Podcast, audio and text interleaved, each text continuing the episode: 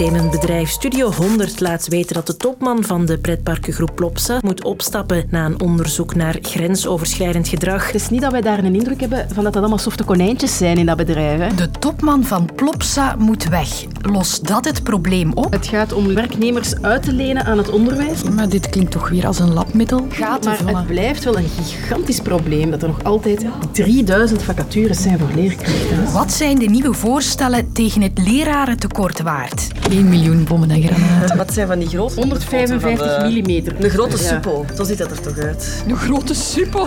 Die wil ik in mijn poep niet. En een groep Europese landen wil samen 1 miljoen granaten kopen. Wat is de bedoeling? Dat zijn de drie vragen die een antwoord krijgen in dit kwartier met Sophie van der Donk.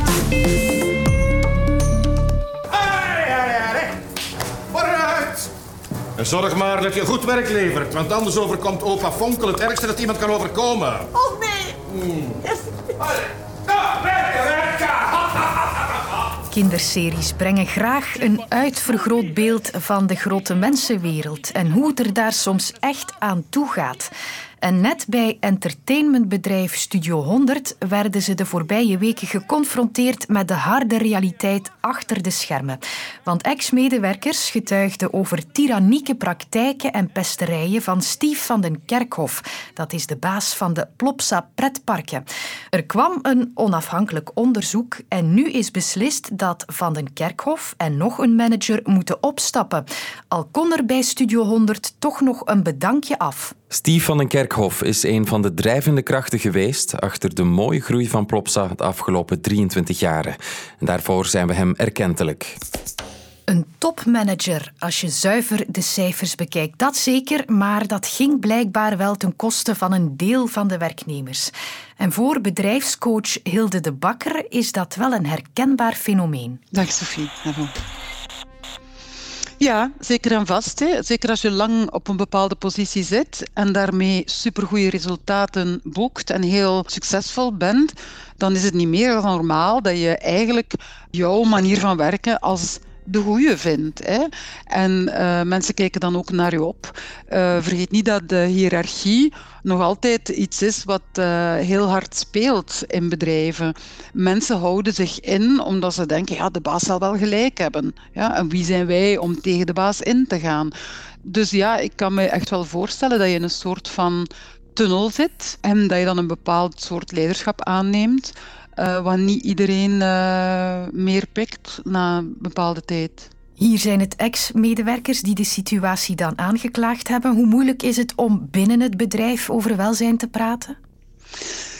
Um, dat hangt echt af van bedrijf tot uh, bedrijf. Ik denk, um, we zitten ook in een maatschappelijke evolutie, waar er meer openheid kan, ook omdat zaken in de media komen. Mensen durven natuurlijk ook meer uh, vertellen wat er gaande is, maar we zien ook dat in opleidingen voor leiders veel meer aandacht wordt besteed aan wat we eigenlijk noemen die psychologische veiligheid. Dat is nog maar een dik twintig jaar dat die term circuleert waarbij uh, mensen zich veilig voelen om dingen aan te kaarten. En dan heb ik het niet alleen over wantoestanden aankaarten, maar gewoon vragen te stellen, durven fouten maken. Eigenlijk dat mensen zich uh, niet onmiddellijk afgestraft zullen voelen wanneer ze een fout zullen maken. En dat is ontzettend belangrijk. En daar ligt een verpletterende verantwoordelijkheid bij de leider om die veiligheid mogelijk te maken. In dit concrete geval moet nu een CEO opstappen en in zijn zog ook nog een manager. Is dat genoeg om naar een positieve werksfeer te kunnen terugkeren?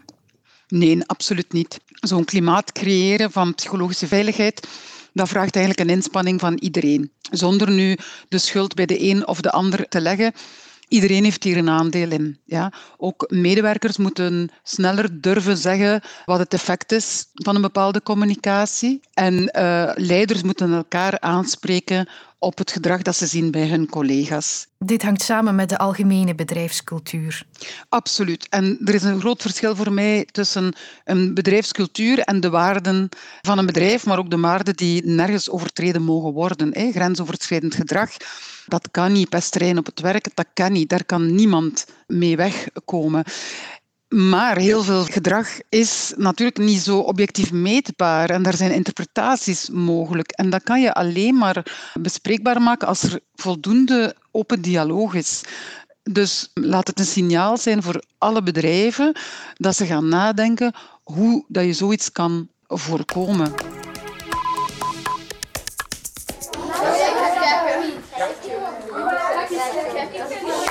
Oké. Goed. Uh, we gaan starten nu aan onze les wiskunde. Over wat gaat onze les gaan? Als alles goed gaat, is dit een doordeweeks geluid uit een klas ergens in Vlaanderen. Maar het lerarentekort is hardnekkig en is dus niet plots uit de wereld geholpen de voorbije maanden. En ik tik het zelf nog even in op de website van de VDAB. Zoekterm leraar En dat geeft mij 2077 vacatures. En dan staan ze er nog niet eens allemaal op. Om maar te zeggen, het lerarentekort is verre van opgelost. Maar vandaag kwam Vlaams minister van Onderwijs Ben Wijts met een reeks nieuwe voorstellen. En ook dat doet hij niet voor het eerst. Onderwijsexpert van onze redactie Sanne Baak zet op een rij welke maatregelen de afgelopen jaren al genomen zijn. Er is bijvoorbeeld ingezet op de zij-instromers. Dat zijn de mensen die uit de privésector de overstap willen maken naar het onderwijs. En die kunnen tot tien jaar anciëniteit meenemen. En als je voor leerkracht aan het studeren bent en al voor de klas staat, dan word je drie uur van je opdracht vrijgesteld. Nieuwe leerkrachten die kunnen ook sneller een vaste benoeming krijgen. En wanneer leerkrachten uitvallen en langdurig ziek zijn, dan kunnen ze nu gemakkelijker geleidelijk naar de klas terugkeren. Financieel, daar zijn ook enkele extra's bijgekomen om de job aantrekkelijker te maken. Wie meer uren werkt dan nodig, die krijgt iets extra. Leerkrachten krijgen ook vergoedingen voor ICT en internet en de fietsvergoeding die is verbeterd. En dan zijn er campagnes. Er is een onderwijsambassadeur. Er komt een open scholendag zoals er ook een open bedrijvendag is. En dan heb je ook nog de proeftuinprojecten. Een tweehonderdtal scholen die mogen experimenteren hoe ze het beroep aantrekkelijker kunnen maken buiten de regels om om dan nadien te bekijken wat er echt werkt en welke nieuwe maatregelen er dus nog genomen kunnen worden. En vandaag komen daar dus drie nieuwe maatregelen bij. Is dit nu de oplossing?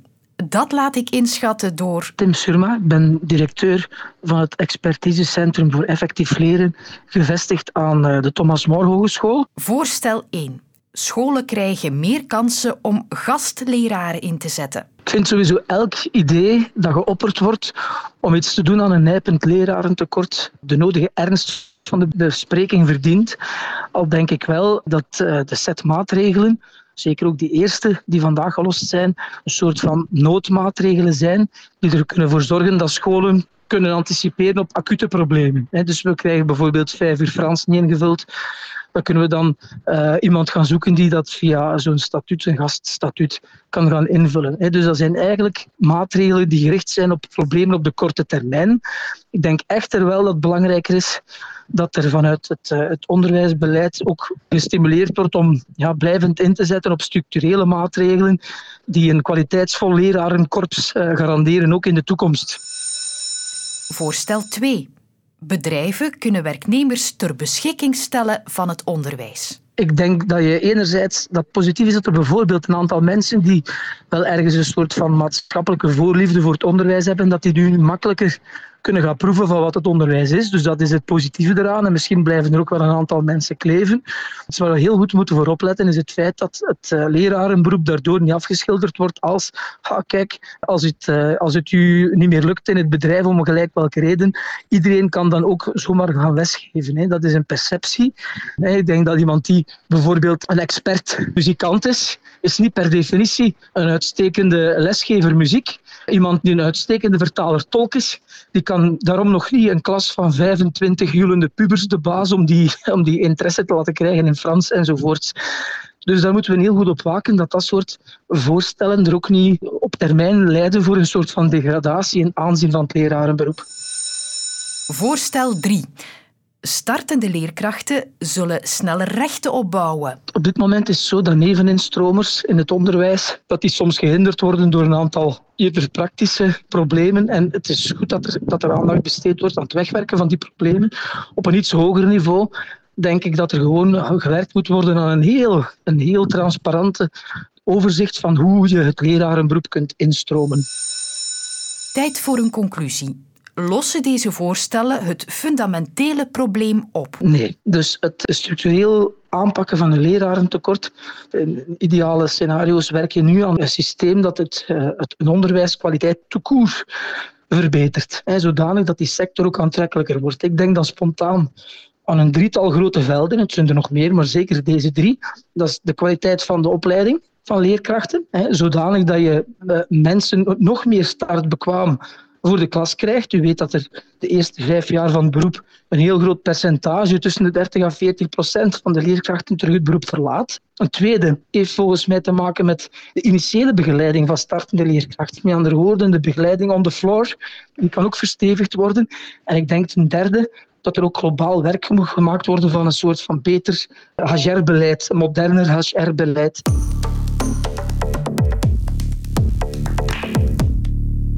Groepsaankoop. We doen het allemaal wel eens om korting te krijgen op een energiecontract of om goedkoper zonnepanelen of gevelisolatie te kopen.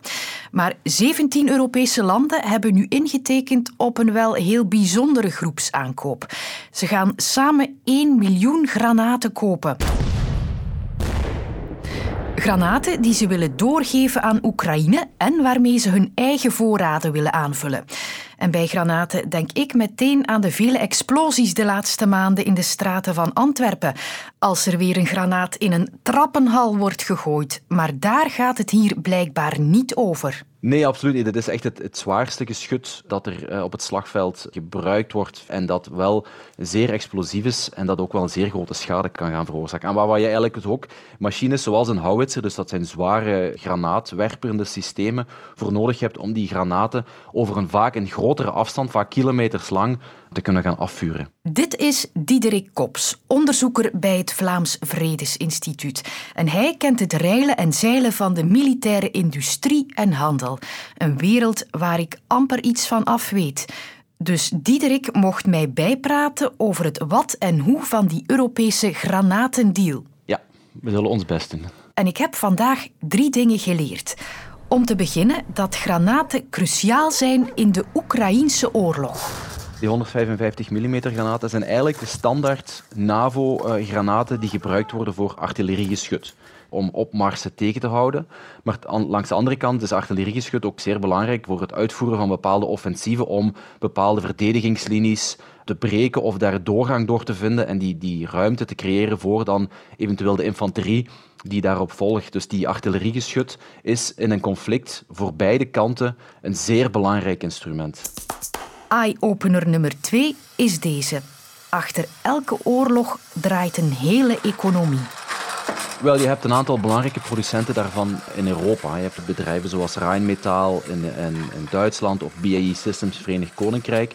En ook een belangrijke producent, en dat is ook een van de redenen waarom dat Noorwegen deel uitmaakt van deze deal, terwijl zij geen lid zijn van de Europese Unie, is een bedrijf als Nammo dat ook een belangrijke producent is van deze granaten. En eigenlijk heb je in Europa een twaalftal producenten van dergelijke artilleriegeschut. Je hebt in België één producent Mekar van medium artillerie, maar zij gaan niet de grotere artillerie, de zware artillerie produceren.